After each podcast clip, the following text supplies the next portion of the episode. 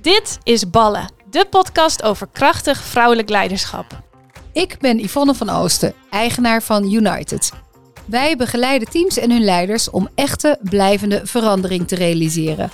En ik ben Maya Noordam, eigenaar van marketingbureau Oppepper en personal assistant bureau Regelmaat. Elke aflevering gaan we in gesprek over vooroordelen, uitdagingen, ontwikkelingen en adviezen. Voor deze aflevering is Claudia de Reus van Stichting Go aangeschoven. Waar loopt zij tegenaan als het gaat om leiderschap? Hoe dealt zij met haar interne onrust, die haar veel oplevert, maar soms ook in de weg zit? En welk advies heeft zij voor andere leidinggevenden? Dit is Ballen! Kom maar door. Goedemorgen. Is het goedemorgen? Weet ik eigenlijk niet. ja, het is een goedemorgen. Gelijk, Ik luister daar ook helemaal niet Het uit. komt helemaal niet uit. Maar, maar niettemin, Claudia, eh, welkom. Eh, we hebben vandaag Claudia de Reus eh, binnen tijdens onze podcast. Wij gaan het vandaag weer hebben over onder andere mindbugs, leiderschap, vrouwelijk leiderschap en alles waar, waar maar wat ons maar opkomt. Ehm, Claudia, het is fijn als je jezelf even voorstelt wie je bent en wat je doet en waar je dat vooral doet. Ga ik doen. Claudia de Reus zei je net al inderdaad. eh, 38 jaar, eh, woonachtig in Uden in het mooie Brabant. Gelukkig. Dat horen wij natuurlijk ook helemaal niet. Nee, nee hoor, nee. Nee, voor meter. Eh, getrouwd, eh, mama van vier kleine kids. eh, en werkzaam als kindcentrumleider bij Stichting Go voor Opvang en Onderwijs. En wat houdt dat precies in? Wij hebben on- in onze stichting allemaal kindcentra. En binnen onze kindcentra bieden wij opvang en onderwijs aan kinderen van 0 tot 13 jaar. Vanuit één doorgaande lijn. En ik ben daar kindcentrumleider. Eh, en stuur daarmee het team van opvang en onderwijs aan. Oké. Hoe wat- groot is dat team wat je aanstuurt? Eh, Zo'n kleine 30 mensen. Oké. En wat kom je daar dan zo al tegen als je mensen aanstuurt? Eh, Het is ook een aparte tak, hè? Dat kindcentrumleider zijn, denk ik ook. En ook de omgeving, hè? Dus ik Ja. ben heel benieuwd. Het ziet er misschien anders uit dan de zakelijke omgeving weer. Hoewel Ja. het ook gewoon, gewoon misschien wel een bedrijf is. Ja, wat ik, eh, wat ik zelf heel erg leuk vind in de functie is dat je eh, mensen aanstuurt in echt heel veel diverse functies. Van pedagogisch medewerker tot onderwijspersoneel. Dan heb ik het over een conciërge, maar ook een schoonmaakster die in dienst is. Tot aan eh, mijn collega leidinggevende, de adjunct-directeur bij mij op locatie.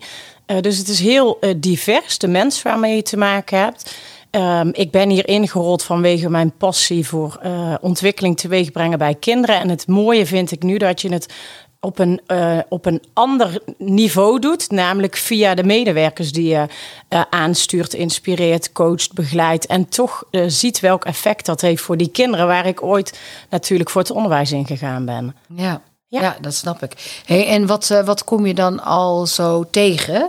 Dus wat, wat, eh, zeg maar, ehm, wat zijn dan je dagelijkse werkzaamheden? Wat, wat, wat doe je dan precies? Want, ik bedoel, ik snap dat aansturen, hè? Wat Maar doe kan je nou eigenlijk? Ja, precies. Ik ben dankbaar. Ja, dankjewel Maya. Korte vragen. Eh, ik maak hem concreet. Op dit moment zijn we bijvoorbeeld met een visietraject bezig. En dan ben je in, in voorbereiding bezig met kijken hoe eh, gaan we dit oppakken, hoe gaan we dit uitrollen. Ik zit heel veel in overleg. Ehm, ooit heel fijn. En ooit is dat ook wel een beetje de crux waarvan ik denk: jeetje, moeten we nu echt zoveel met elkaar steeds blijven praten? Wat voegt het uiteindelijk toe aan die kinderen waarvoor we het allemaal doen? Ehm, Ehm, ik, ik wil de komende periode heel veel groepsbezoeken gaan afleggen. Want daar vind ik toch wel steeds dat ik eh, eh, vooral wil zijn in die klassen, op die groepen, mee kunnen kijken om vanuit die rol eh, met leerkrachten gesprekken te kunnen voeren. Met PM'ers, pedagogisch medewerkers zijn dat gesprekken te voeren.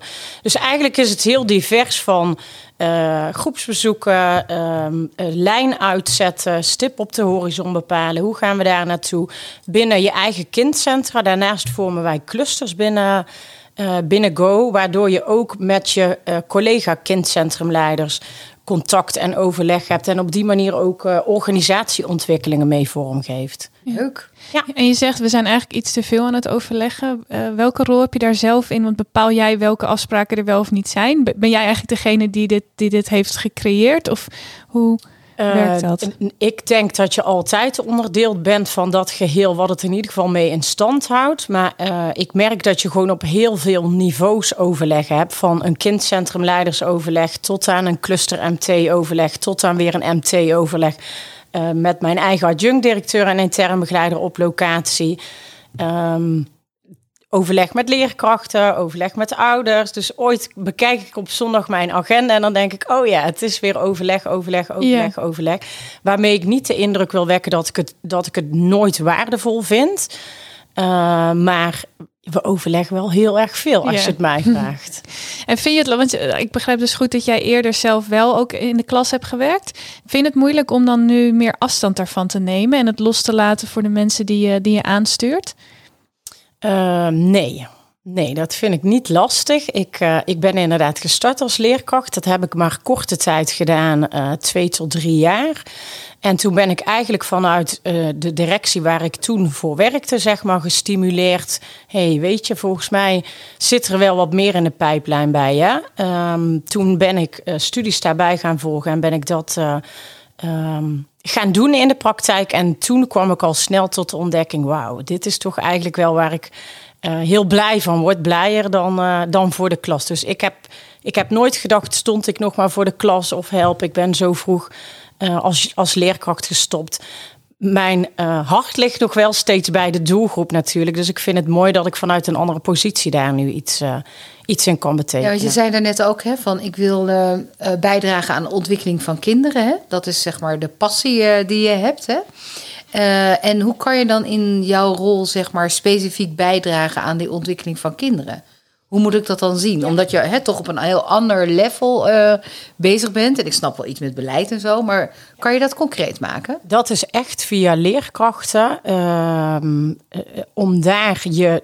Die zijn wat mij betreft het verlengstuk...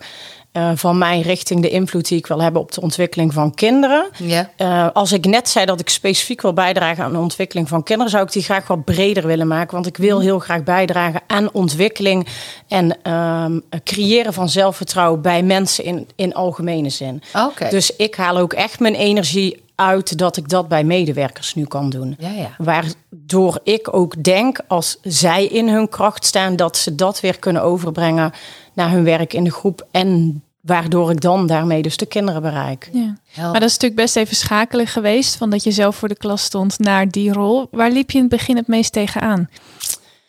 Uh, dat is een leuke vraag. Uh, waar ik vooral heel erg tegenaan liep, en dat is ook wel een beetje de rode draad uh, in mijn leven en in mijn zijn. Ik ben intuïtief, volg mijn onderbuikgevoel in alles privé, weet je, dat we vier kinderen hebben, is nooit onderwerp van gesprek geweest. Weet je, daar voelde gewoon zo. Uh, gaan we niet nadenken, pasta kan, daar hebben we een auto waar daarin kan.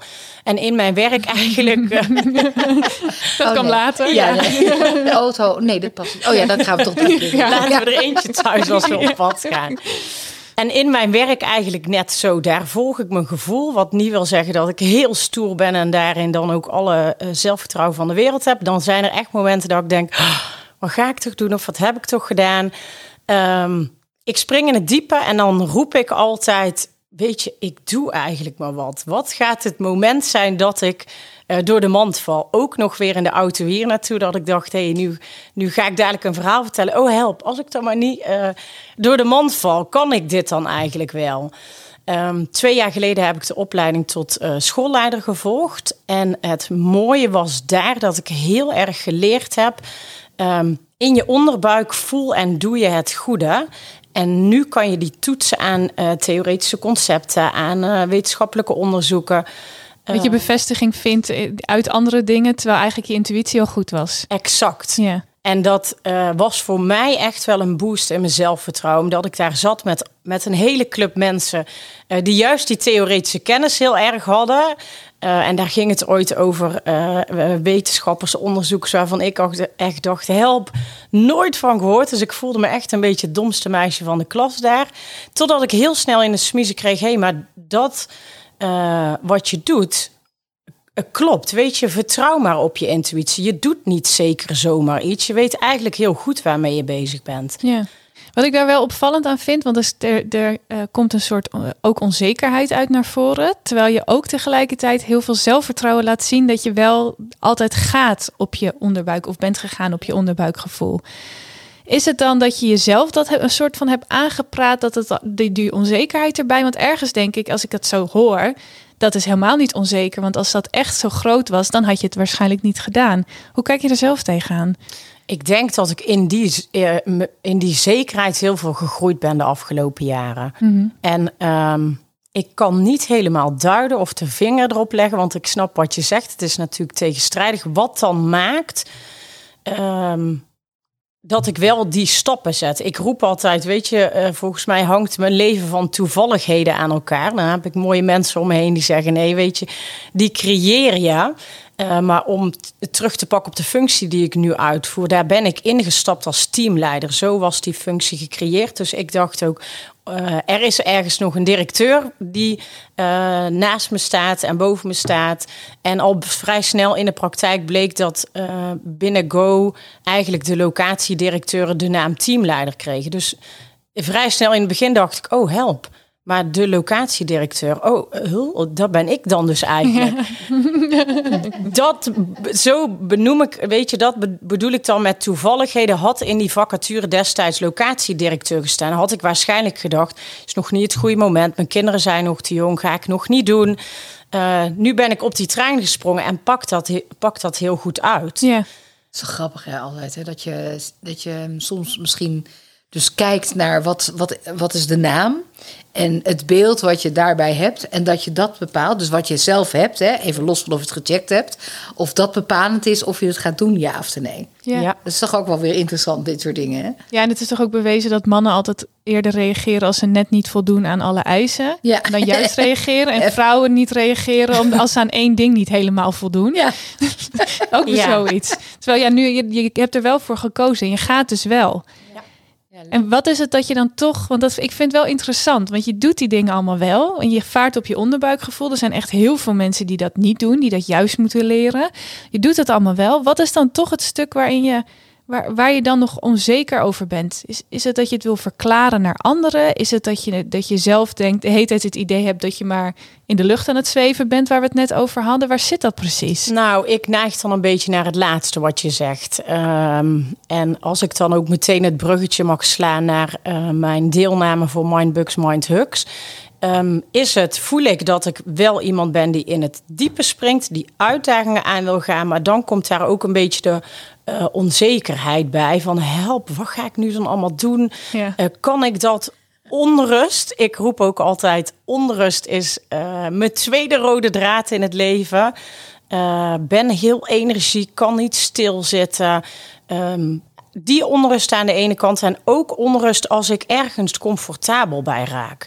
Waar, waar ik dan vriendinnen om me heen hoor zeggen: Oh, maar dat is toch fijn, weet je? Als je toch met twee vingers in de neus kan doen, lekker doen, voel ik nee. Dan gaat het knellen. Dan, ja. dan klopt het gewoon. Nee. En dat is ook wel eens vermoeiend. Hè? Ik herken dat heel erg dat je denkt: waarom ben ik nou niet gewoon even een periode dat, ik, dat het even rustig is? Waarom moet ik nou nu net weer eventjes wat minder hectisch is? Waarom moet ik dan weer iets nieuws bedenken of weer iets nieuws gaan doen? Enorm herkenbaar. ja. Omdat er dan opeens ruimte ontstaat.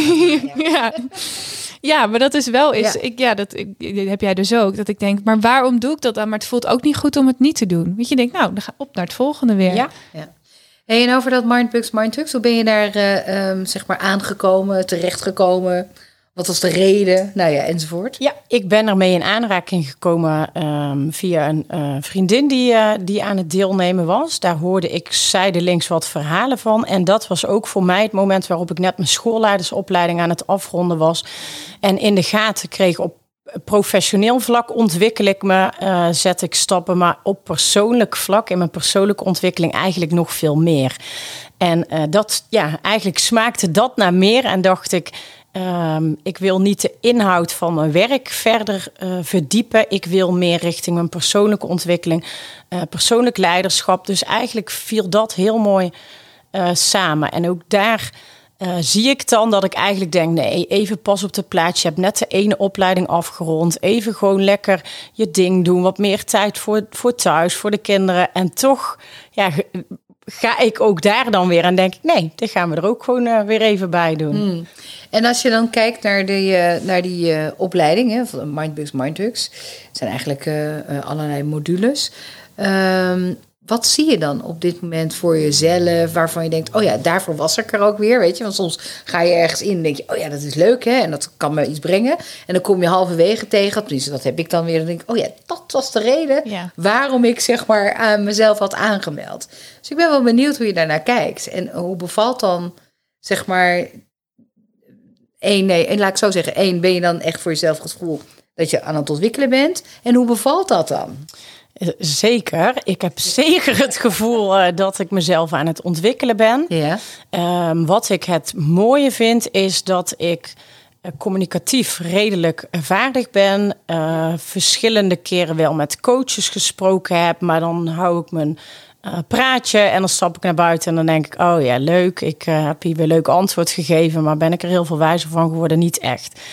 Bij Mindbugs, Mindhugs dacht ik echt direct vanaf de start, wow, hier eh, wordt een niveau gepakt van diepgang, eh, van reflectie, van ontwikkeling, waarbij ik dacht, oké, maar hier ga ik niet helemaal wegkomen met, eh, met al mijn praatjes. En ik voelde ook gewoon aan mijn lijf, dit gaat iets doen en iets brengen.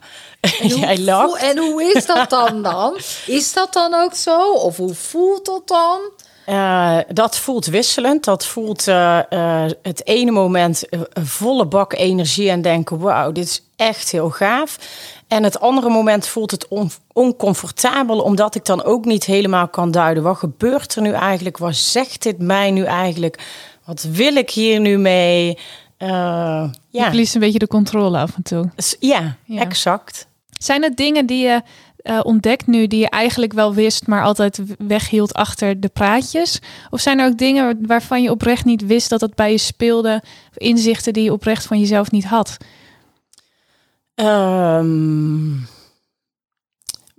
het zijn vooral echte eye-openers wat mij betreft tot nu toe. We hebben nu natuurlijk nog maar twee bijeenkomsten gehad, maar wel echte eye-openers die binnenkomen. Ik, eh, ik kijk naar eh, Yvonne en dan denk ik, weet je, eh, wat je wil bereiken moet je ook brengen. Ja, dat was voor mij zo'n enorme eye-opener.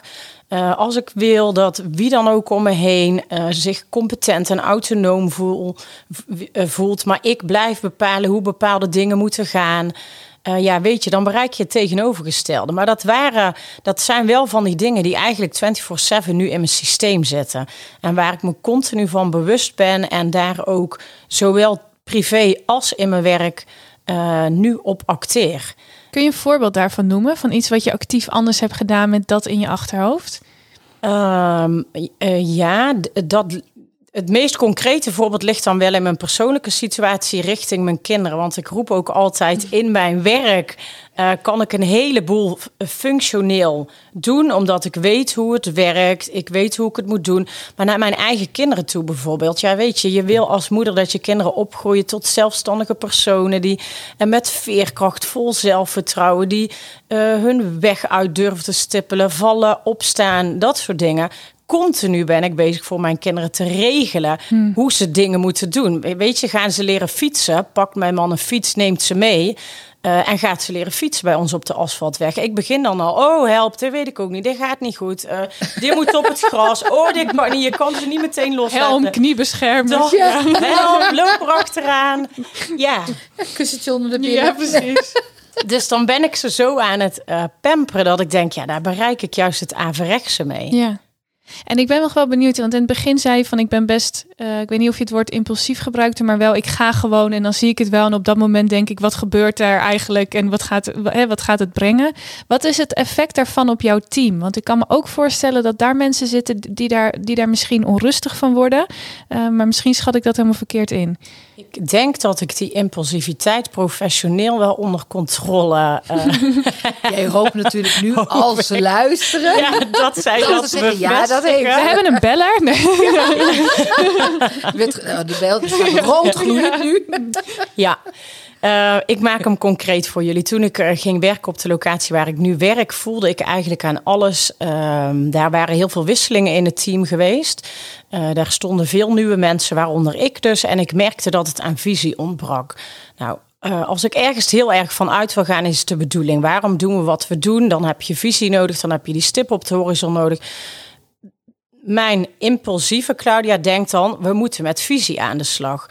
Eh, toch kan ik mezelf dan redelijk sturen En heb ik ook wel gesprekken voor nodig hoor. Het is niet dat ik dat dan helemaal zelf kan. En dat is dan wel weer het mooie van overleggen. Uh, wat moet er nu dan eerst gebeuren? Hè? Uh, ga eens even zitten. Kijk nu eens goed. Heeft het nut om meteen met visie aan de slag te gaan? Volgens mij ligt er ook nog een uitdaging op cultuur, op structuur. Om te zorgen dat dat staat. Weet je, visie, ja, dat gaat jouw eigen stip op de horizon zijn. En daar gaan we naartoe werken. Maar eerst moeten er voorwaarden staan om aan visie te kunnen werken. Um, vind ik wel lastig, want het maakt als je geen uh, uh, visie zie ik als het speelveld, de kapstok waar je ook dingen aan kan ophangen, uh, dat, dat ik soms um, handen en voeten gaf aan probeer dan maar iets uit bij leerkrachten. Weet je wat? Wat, waar staan wij dan eigenlijk voor het kindcentrum waar ik werk, heet de Kastanjelaar. Wat is dan des Kastanjelaars? Hoe willen wij onze opvang en ons onderwijs vormgeven? Ja, nu zijn we zover, twee jaar later, dat we daar echt concreet mee aan de slag gegaan zijn. En in die periode daartussen um, merk je dat dat ook wel soms onrust oplevert in je team. Want welke kant gaan we nu dan eigenlijk op? En uh, onderwijsmensen zijn altijd hele gedreven, passievolle mensen. Uh, met mooie ideeën over onderwijs en uh, ontwikkeling. Maar als ik voor mezelf spreek, maar ik zie het ook in mijn omgeving, toch ook een tikkie eigenwijs. Dus daar zijn veel uiteenlopende ideeën. Ja, hoe ga je die dan bij elkaar brengen? Um, in de praktijk, als je weet dat je nog aan cultuur en structuur aan het werken bent en visie nog even moet wachten. En wat moet jij dan managen voor jezelf? Um, ik moet dan voor mezelf heel erg managen dat ik um, vertragen. Daar is het eigenlijk. En dat is, dat is ook uh, wat ik in de sessies van Mindbugs, Mindhugs leer. Pas op de plaats maken. Heel goed kijken, wat is er nu echt nodig? Ja, je wil daar naartoe.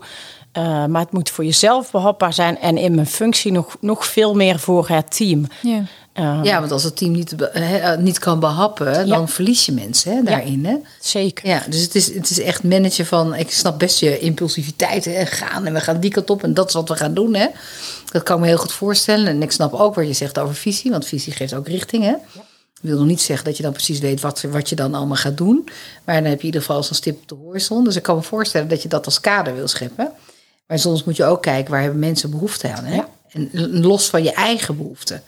Ik vind dat soms best ingewikkeld. Ja, ik vind dat ook. En de balans tussen je wil, als je de, de leidinggevende bent of de leider bent van de groep, die, daar zul je altijd iets voorop moeten lopen om mensen mee te krijgen. Alleen waar ik dan tegenaan loop, dan, wij noemen dat hier de trein van Maya. Als die veel te hard gaat en niemand kan meer aanhaken, dan heeft ook niemand er iets aan. Ik uiteindelijk ook niet. Nee. Maar ik herken het heel erg. Oh, dan gaan we dit en we moeten dat en dan gaan we dit oplossen en dat doen en dat fixen en daarmee.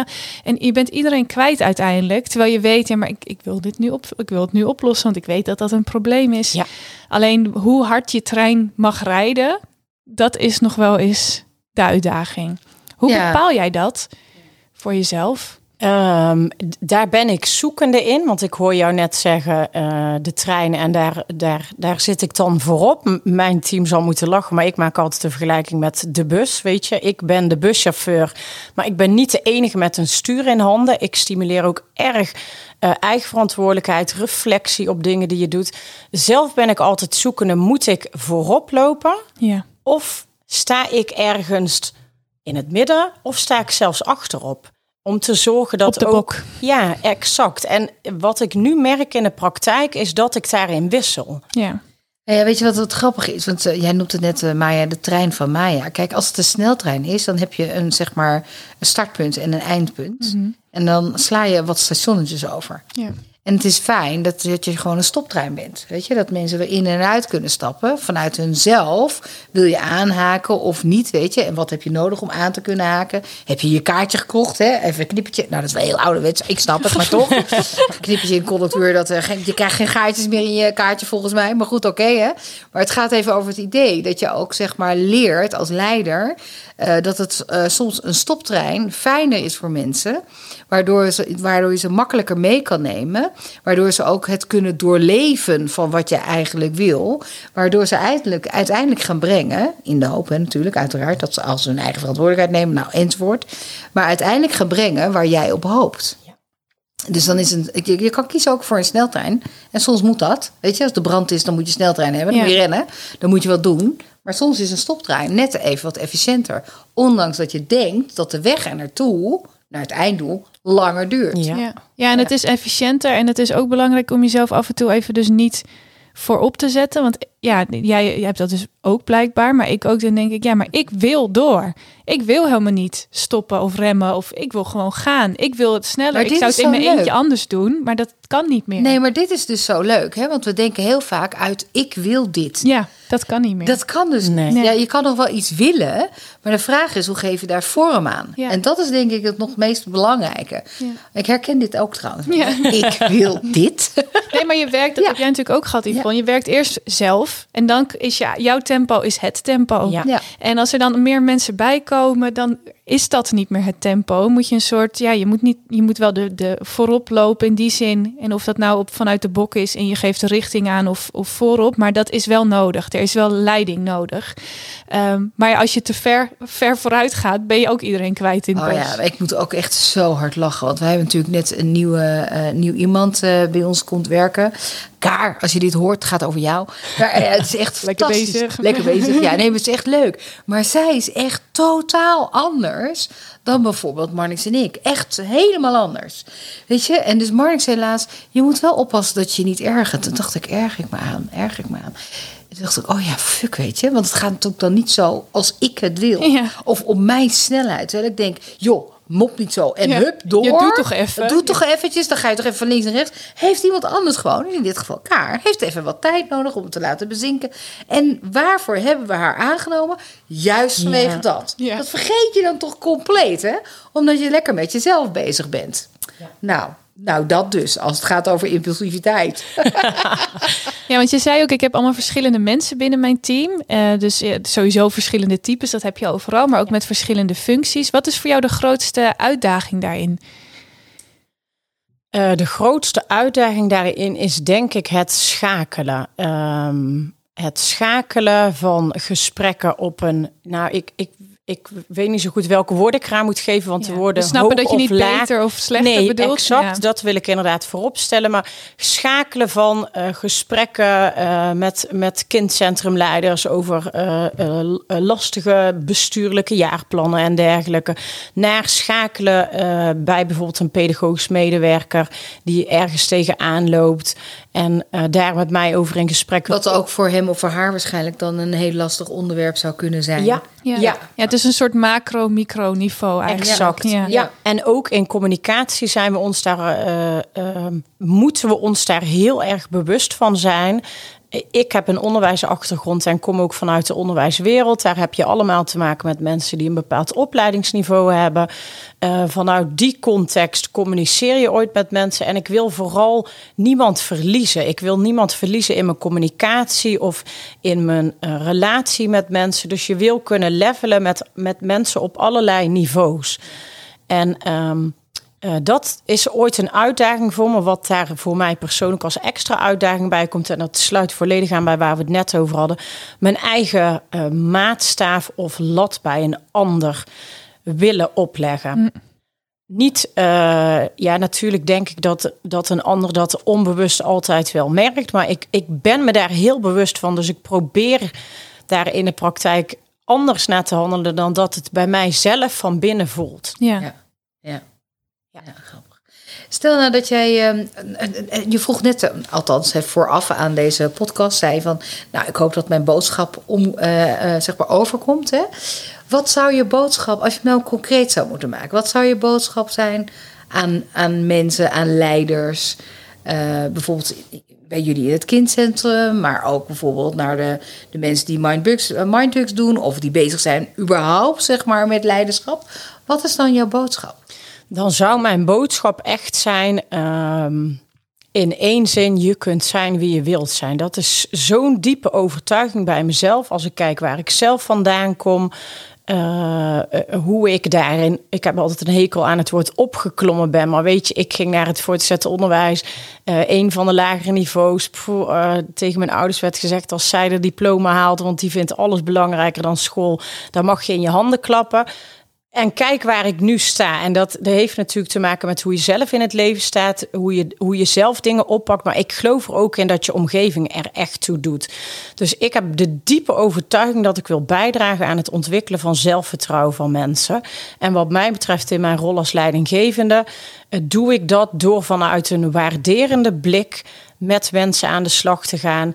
Uh, toen ik startte bij Go leerde ik van de bestuurder een prachtige term die uh, uh, radicaal openhartig is in gesprekken. Nou, die heb ik echt ter harte genomen, omdat ik denk dat je die twee nodig hebt om bij te dragen aan zelfvertrouwen van groot en klein. Vanuit waardering kijken, maar wel ook radicaal openhartig zijn. Weet je, als iets niet loopt of niet werkt en we blijven daar doekjes om winden, dan wordt Gaat het ook niet werken. Ja, precies. Ja. Precies. Mooi. Ja. Mooi. Ja, mooi. Die term kende ik ook nog niet. Nee. Ja. Ga maar mee beginnen. Dan. Ja, er is een heel mooi boek van. Dat heet ook letterlijk, uh, letterlijk zo, radicaal openhartig. Ja, want ik ja. kan me wel voorstellen, als jij natuurlijk vanuit de positieve kant en van de, uh, het bevestigen van mensen, dat het soms, daar loop ik wel eens tegenaan, dat je niet te hard de andere kant op wil gaan, omdat je dan bang bent dat je daar een stukje in verliest. Ik ben wel benieuwd hoe jij daar naar kijkt. Ik denk dat relatie daarin altijd de basis is. En ik uh, hoop altijd aan mensen uit te stralen. En dat benoem ik ook. En weet je, ik heb hart uh, voor, voor de mensen. Maar ik maak me hart voor de zaak. En in dat geval het, een goede opvang en onderwijs leveren. En uh, dat probeer ik ook altijd uit te leggen. Weet je, we worden niet beter met elkaar als we alleen maar heel lief en schattig blijven zeggen. Nee, nou, fantastisch, top wat jij gedaan hebt.